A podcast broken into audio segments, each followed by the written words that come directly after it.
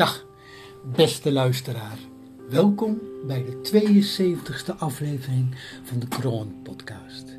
Mijn naam is Marcel van der Pol en onder de naam Missouri Sana Marcel vertel ik al sinds vorig jaar, maart, dus al meer dan mijn ja, jaar geleden, voor deze podcast verhalen om de harten van de mensen iets lichter te maken en het leven iets fleuriger. En dat is zo nodig in deze tijd van corona. En vandaag, deze 72e aflevering, vandaag heb ik een verhaal. En dat heet De Dans om de Prinses. En ik wil u even meenemen naar een groot bos. Dat u daar aan komt lopen en aan de rand van het bos, op een stronk, ziet je een kleine jongen zitten. En de jongen ziet u niet, want die jongen is helemaal in gedachten, hemels in dromenland en denkt over alle mogelijkheden die het leven nog hem kunnen bieden. Want alles ligt ook nog voor hem. Hij kan, kan, kan bergen beklimmen, hij kan avonturen beleven, hij kan helden uithangen. Hij kan beroemd worden als hoogleraar of, of, of als dokter of, of hij kan rijk worden als een bankier. Alles kan nog en alles danst ook voor zijn ogen. En niets is vast omlijnd of tastbaar en hij vindt het helemaal goed. En hij geniet. En dan opeens kijkt hij omhoog en ziet hij op de onderste tak, vlak voor hem in de boom, een grote zwarte vogel zitten. Ik ken het wel, die kijkt naar hem met zo'n kopje een klein beetje schuins.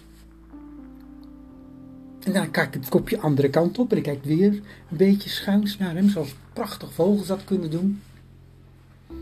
En die jongen vraagt zich af: zou dat een, uh, een prinses kunnen zijn?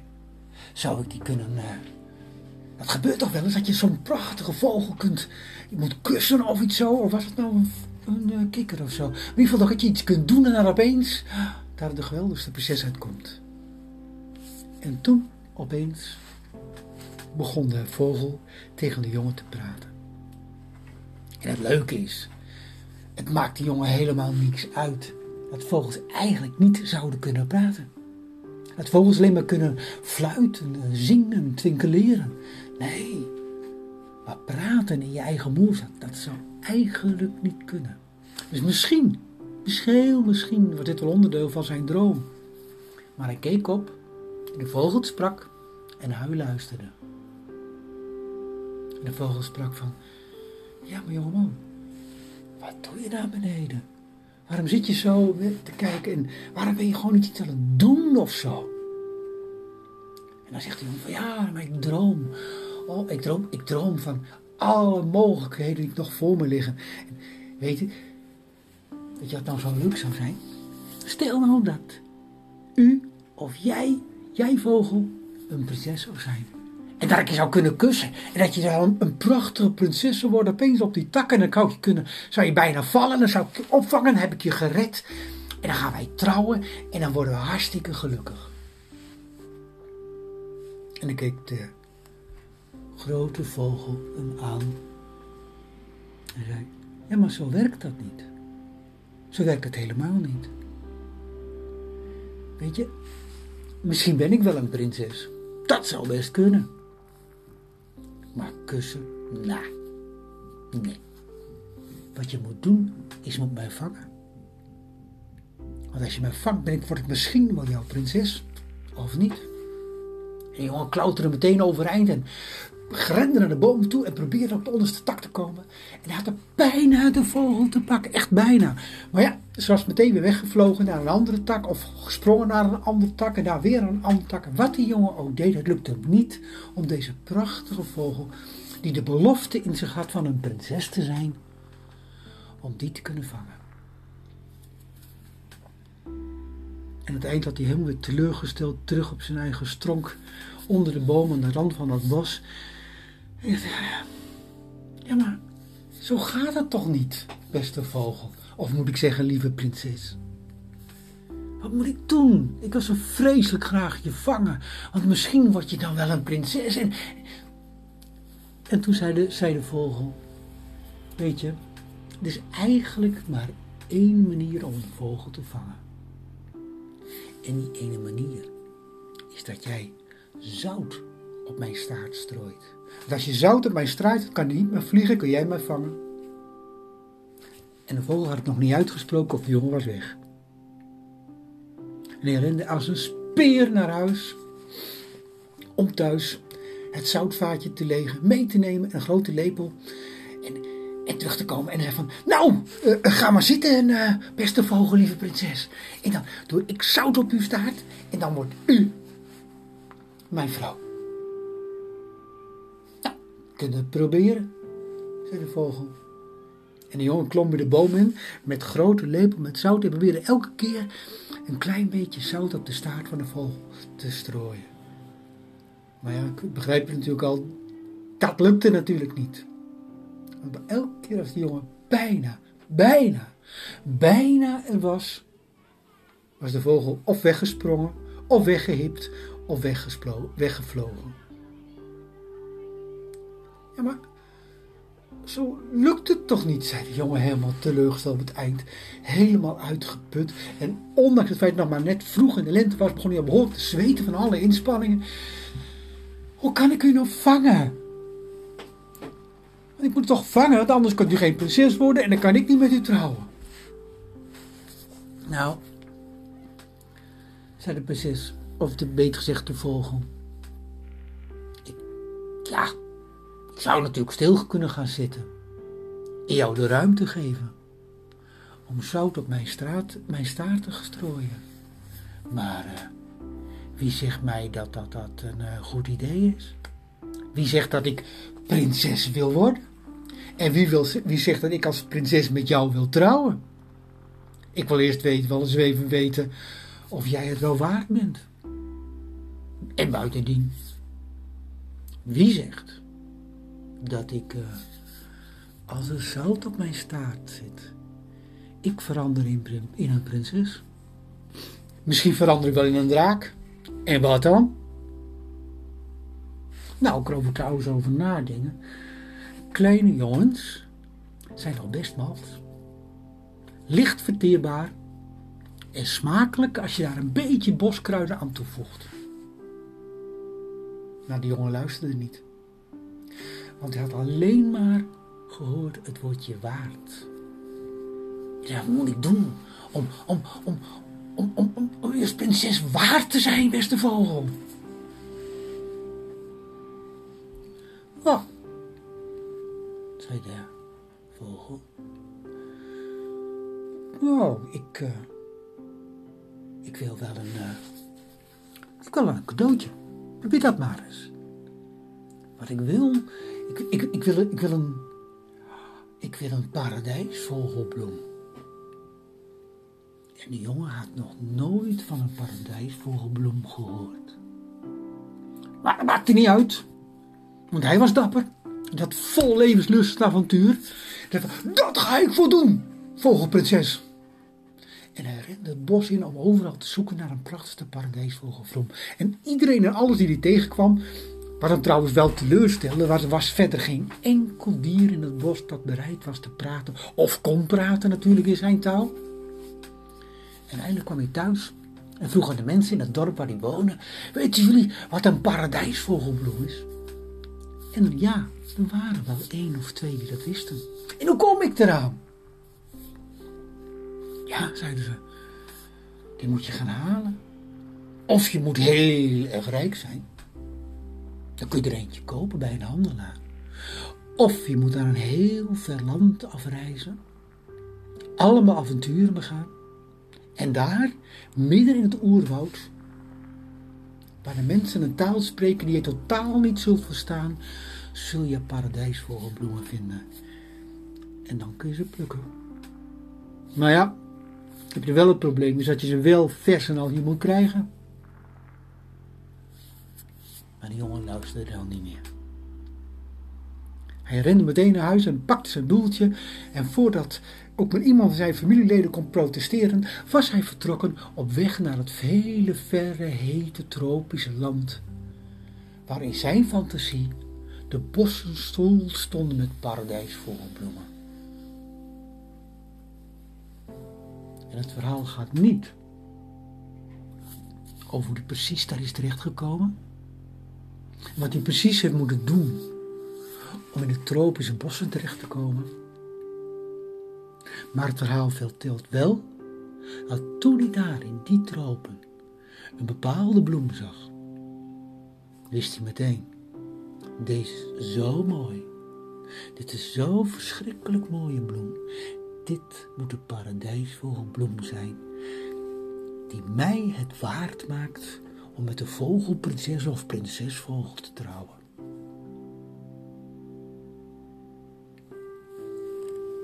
En drie maanden later was hij terug in het bos, in zijn eigen bos, in zijn eigen thuisland. En vol trots toonde hij de prinses: Kijk, die is voor jou. En hoe heb je die gekregen? vertelde de prinses. Hoe heb je nou die gekregen? Oh ja, en voor je weggaat, eh, ik wil ook nog wel even een, een soort met uh, nagelveldje ingelegd met parelmoer. Want uh, dan kan ik beter luisteren. En die jongen was al weg rende naar huis en van... Mama, papa, uh, andere oom, tante, wie heeft jullie een, een, een nagelvel met ingelegd met parelmoer? Maar niemand had dat. Maar dat, was ook zo ontzettend duur is er een land waar ik het kan halen? Nee, maar je kunt er wel voor werken. En na een week had onze jongeman genoeg geld verdiend. Met keihard werken heeft de meest uiteenlopen klussen gedaan en opdrachten uitgevoerd om maar in staat te zijn een nagelveil ingelegd met palenmoer te kunnen kopen en terug mee te nemen naar deze prachtige vogel op de tak. De vogel die eigenlijk een prinses is en eigenlijk had te wachten om door hem gevangen te worden om dan met hem te kunnen trouwen. En de vogel pakte het vuiltje aan en terwijl ze begon haar eigen pootnagels een beetje bij te vijven en ook haar snavel, zegt ze, nou, vertel maar. En die jongen vertelde wat hij allemaal had meegemaakt en wat hij had moeten doen. Om eerst uh, genoeg geld te verdienen voor een ticket. Of een, en toen een plek te kunnen veroveren aan boord van een schip. En dat het geld toen niet genoeg bleek en de ticket ook niet. Dat hij heel hard moest werken. En dat hij ook toen een bepaald moment in het land kwam. Maar hij wist niet welk land. Maar hij stelde dat het een heel groot continent moest zijn. Waar alle, alles zo vreselijk zo heet was. Dat er ergens wel een tropisch regenwoud moest zijn. En dat midden in dat tropisch regenwoud paradijsvogelbloemen moesten zijn. En, en, dat hij daar uiteindelijk ook terecht is gekomen. En dat hij eerst dacht van, had hij overal rondvraagd, wij weten hoe een paradijsvogelbloem eruit zag. En de mensen wezen hem eerst naar allerlei verschillende vogels. Paradijsvogels. Nee, had hij roepen, want mijn vogel is thuis, is eigenlijk veel mooier dan deze prachtige paradijsvogels. Nee, ik wil een paradijsvogelbloem. En eindelijk had hij hem gezien. Een paradijsvogelbloem oranje met geel en paars. Hij wist, dit is de bloem die ik zoek. Dit moet ik terugbrengen naar mijn vogel, mijn precies, mijn geliefde, mijn vrouw. En het heeft heel wat voeten in de aarde gehad om deze prachtige paradijsvogelbloem die eigenlijk was losgesneden van de aarde, mee te nemen en vers te houden. En de reis duurde drie maanden lang. En dat is gebeurd, zei hij trots. Kijk, hier ben ik. Kijk, hier heb ik hem. Voor jou. En de prinses, of de vogelprinses, of de prinsesvogel, of hoe je haar moet noemen, keek ze. Ja, is mooi. Maar weet je, en ik weet dat je er heel veel hebt gedaan. Dank je wel. En ik weet ook dat je er heel veel hebt gedaan om een eigen prachtige nagelveiltje met ingelegd met parelmoeren ook aan mij te geven. Allemaal. Maar even terugkomen op die bloem. Ja, wat heb je er eigenlijk aan als je hem gewoon lossnijdt? Eens kijken. Ik ben blij dat je hem gewoon nog drie maanden vers, of relatief vers hebt kunnen houden. Maar er komt echt binnenkort een moment dat hij verdort. En weet je, zelfs, zelfs als ik een prinses word, zelfs als ik met jou wil trouwen, dan kan ik dit of deze paradijshogebloem niet stoppen in mijn bruidsboeket, want dan is je lang verweld verdord. Oh, riep de jongen, oh, oh neem me niet kwalijk, vogel, prinses, prinsesvogel. Zal, zal ik weer teruggaan? Ik weet niet hoe het weg is, ik weet niet hoe het moet. En zo. Ja, maar dan ben je weer een paar jaar weg. Zo'n hele tijd om erheen te komen en dan weer te zoeken. En dan weer een aantal maanden weer terug. En, nou, eigenlijk heb je gefaald. En die kleek zeer teleurgesteld. Maar nee, ik heb toch wat je hebt gebracht, wat heb ik toch gebracht? Ja, maar je hebt alleen maar een halve bloem gebracht. De rest onder de grond, de wortels, de stevigheid, de kans en het vermogen om voor te leven, dat heb je achtergelaten in dat verre tropische land. Ja, maar ik, ik heb je toch een nagelveil in, in, gegeven? Ja, zei de prinsesvogel, of de vogelprinses, terwijl ze nog een keer extra demonstratief haar nagels erbij te vuilen die nu glinsterden in het zonlicht. Dankjewel, daar ben ik wel heel blij mee hoor. Dat had ik ook heel erg nodig. Alleen, ja, is het alles wat je kunt bieden? Is het alles wat je kunt bieden aan een prinses? Of een vogel die misschien wel een prinses is? Ja, zegt de jongen. Maar ik, ik wil wel meer doen. Ik kan nog veel meer. Vertel me wat ik moet doen. En toen zei de vogel, prinses, prinsesvogel. Ik geef je nog één kans. Een huis. Als jij voor mij een huis kunt bouwen. Nou ja, huis. Doe wat meer een, met heerhuis, landhuis, uh, villa. Nee, paleis. Niet eens een kasteel. Ik wil een echt paleis. En het moet groot zijn. Het moet waardig zijn voor mij als vogel. Ah nee, jongen, ik moet me transformeren. Ik moet eerst veranderen. Ik moet eerst een prinses worden. Want daarvoor doe ik het. Oké, zei de vogel. Het moet waard zijn voor het proces om in te leven. Oké, ik geef je gewoon die kant. En die jongen wilde alweer wegspringen. Zegt de vogel, wacht, wacht even. Um, weet je, ik moet je toch nog iets vertellen. Soms gaat het wel eens wat mis. Soms dan, dan, dan gebeurt het dat, dat mijn soortgenoten zout op een staart krijgen. En dan willen ze heel graag mens worden. Een uh, prinses bijvoorbeeld. En dan ook wel, wel bereid worden om met uh, de held te trouwen. Maar soms gaat dat mis. En dan worden ze geen prinses, dan worden ze een draak. En de vraag, de vraag, beste jongeman, is of je dat risico wil nemen. Om twee redenen. Want als een draak een paleis moet hebben, moet het heel groot zijn. En uh, wil wel, vooral als ik een draak word, wil ik met jou trouwen. En kun je dat aan? En als je het niet aan kunt, nou, eigenlijk ook geen probleem, want dan heb ik een paleis. En ik heb meteen al mijn welkomstmaaltijd, hè? En zij lachte lief. De jongen inmiddels wat steviger en groter, gegroeid en, en, en gespierd geworden te zijn na zijn reis op zoek naar de paradijsvogelbloem. Stond op, draaide om en als een echte held ging hij aan de slag om zijn vrouw, zijn geliefde, een paleis te bouwen. En nu zou ik heel lang kunnen vertellen wat dat betekende aan uh, geld verdienen, materialen zoeken, leren waar het is om te timmeren, om te metselen, om, om, om, ja, om elke fase van het huis bouwen. Wat zeg ik? Paleis bouwen te volmaken. Maar hij had een doel. En daar ging hij voor.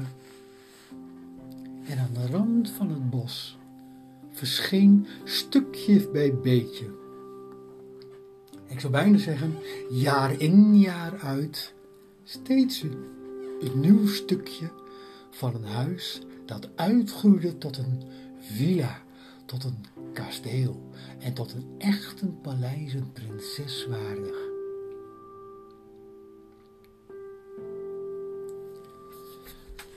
En als je dat op je eentje moet doen. Poeh, wat een werk. Wat een inspanning.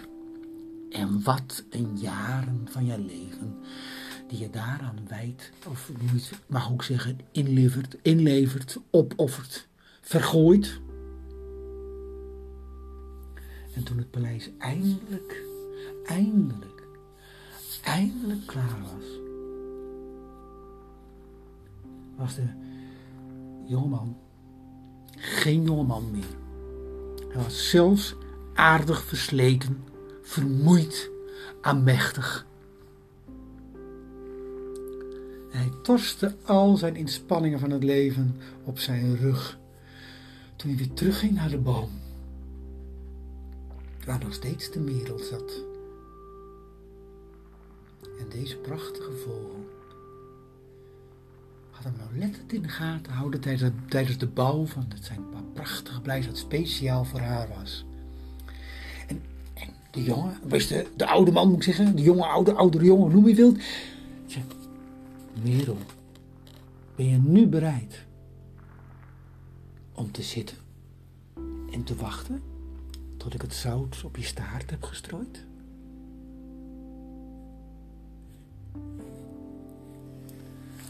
Misschien wel, zei de vogel.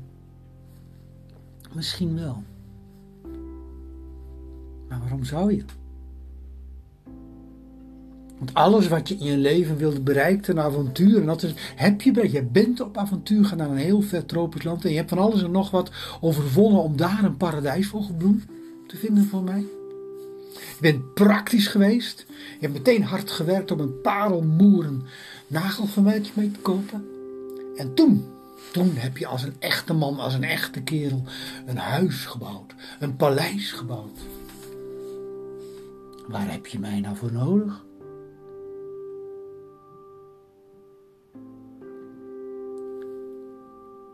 En de jongen wilde niet luisteren.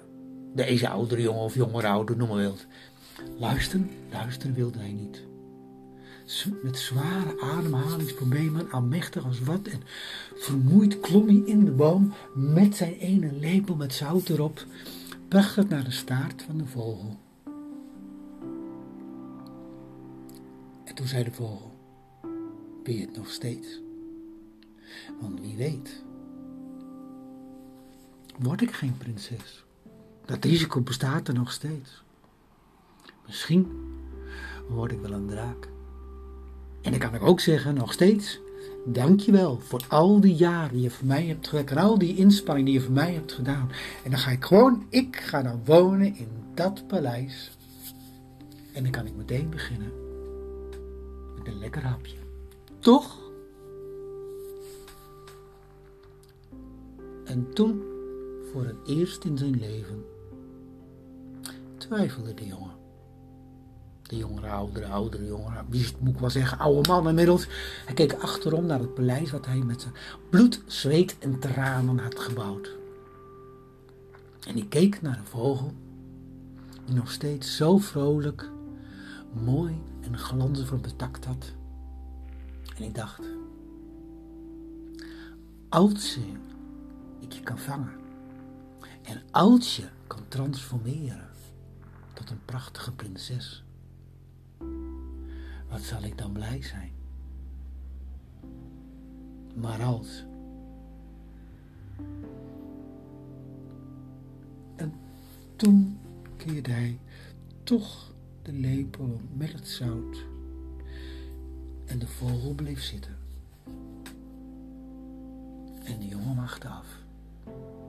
Hij gleed bij de stam naar beneden en ging openstaan op de prinses die hij verwachtte naar beneden zou vallen. Die kon hij opvangen in zijn armen en zo de prinses redden en klaar te zijn voor het huwelijk. Maar het werd een draak. Het werd een grote, vurige, gevaarlijke, maar wel vrouwelijke draak. En de jongen keek naar de draak. En de draak keek naar de jongen. Ja, nogmaals, ik kan het erg lang nog geen jongen meer noemen. Deze oudere man die ooit een jongen was geweest. En een draak dacht, ben je nog wel zo sappig? Ben je wel zo lekker? Zal ik je wel opeten? Ik kan er ook gewoon wonen. En dankjewel zeggen. En, uh, zien er wel ergens een tuinhuisje. Mag jij de laatste jaren van je leven gewoon genieten als tuinman in mijn koninklijke of koninginnenpaleiselijke tuin. Maar dat zei hij niet. Ze keek hem alleen maar zak aan, terwijl er kleine kringels rook uit de neusgaten omhoog dwarrelen en kleine vonkjes uit het bek kwamen. En de jongen alleen maar, of de oude man alleen maar keek en dacht: Ja, hoe kan ik dealen met mijn draak? Moet ik hem bevechten? Moet ik hem trouwen? Moet ik hem dienen? Moet ik me laten opeten?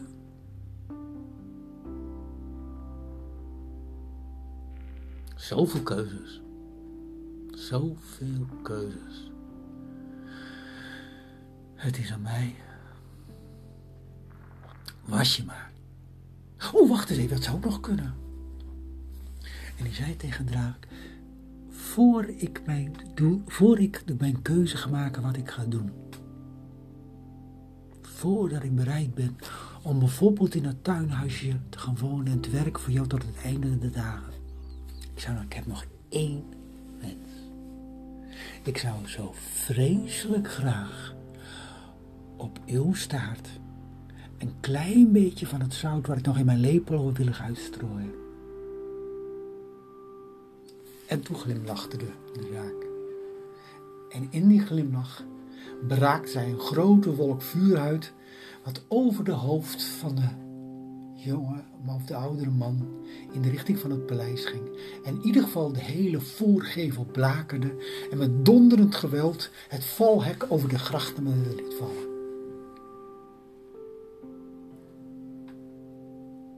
Maar de jongen wachtte niet af. oude man wachtte niet af. Hij pakte zijn lepel en voor de draak kon reageren, had hij het zout op de staart van de draak gegoten. En toen wist hij, dit was een herkansing. Of Hij was weer jong, zou weer jonger zijn, zittend op een stronk aan de rand van een bos en te dromen. En opnieuw al die keuzes kunnen maken die hij zou kunnen maken. En daar zelf de verantwoordelijkheid voor nemen. Of deze draak zou veranderen in een prinses. Een lieve, jonge, prachtige prinses die met hem wilde huwen dan zou ze altijd in het paleis kunnen wonen en samen, oh, ongelooflijk gelukkig zijn. Vol spanning volgde hij langzaam de weg van het zout, wat van de lepel naar beneden dwarrelde, tot het de staart van de raak zou raken. En toen gebeurde het.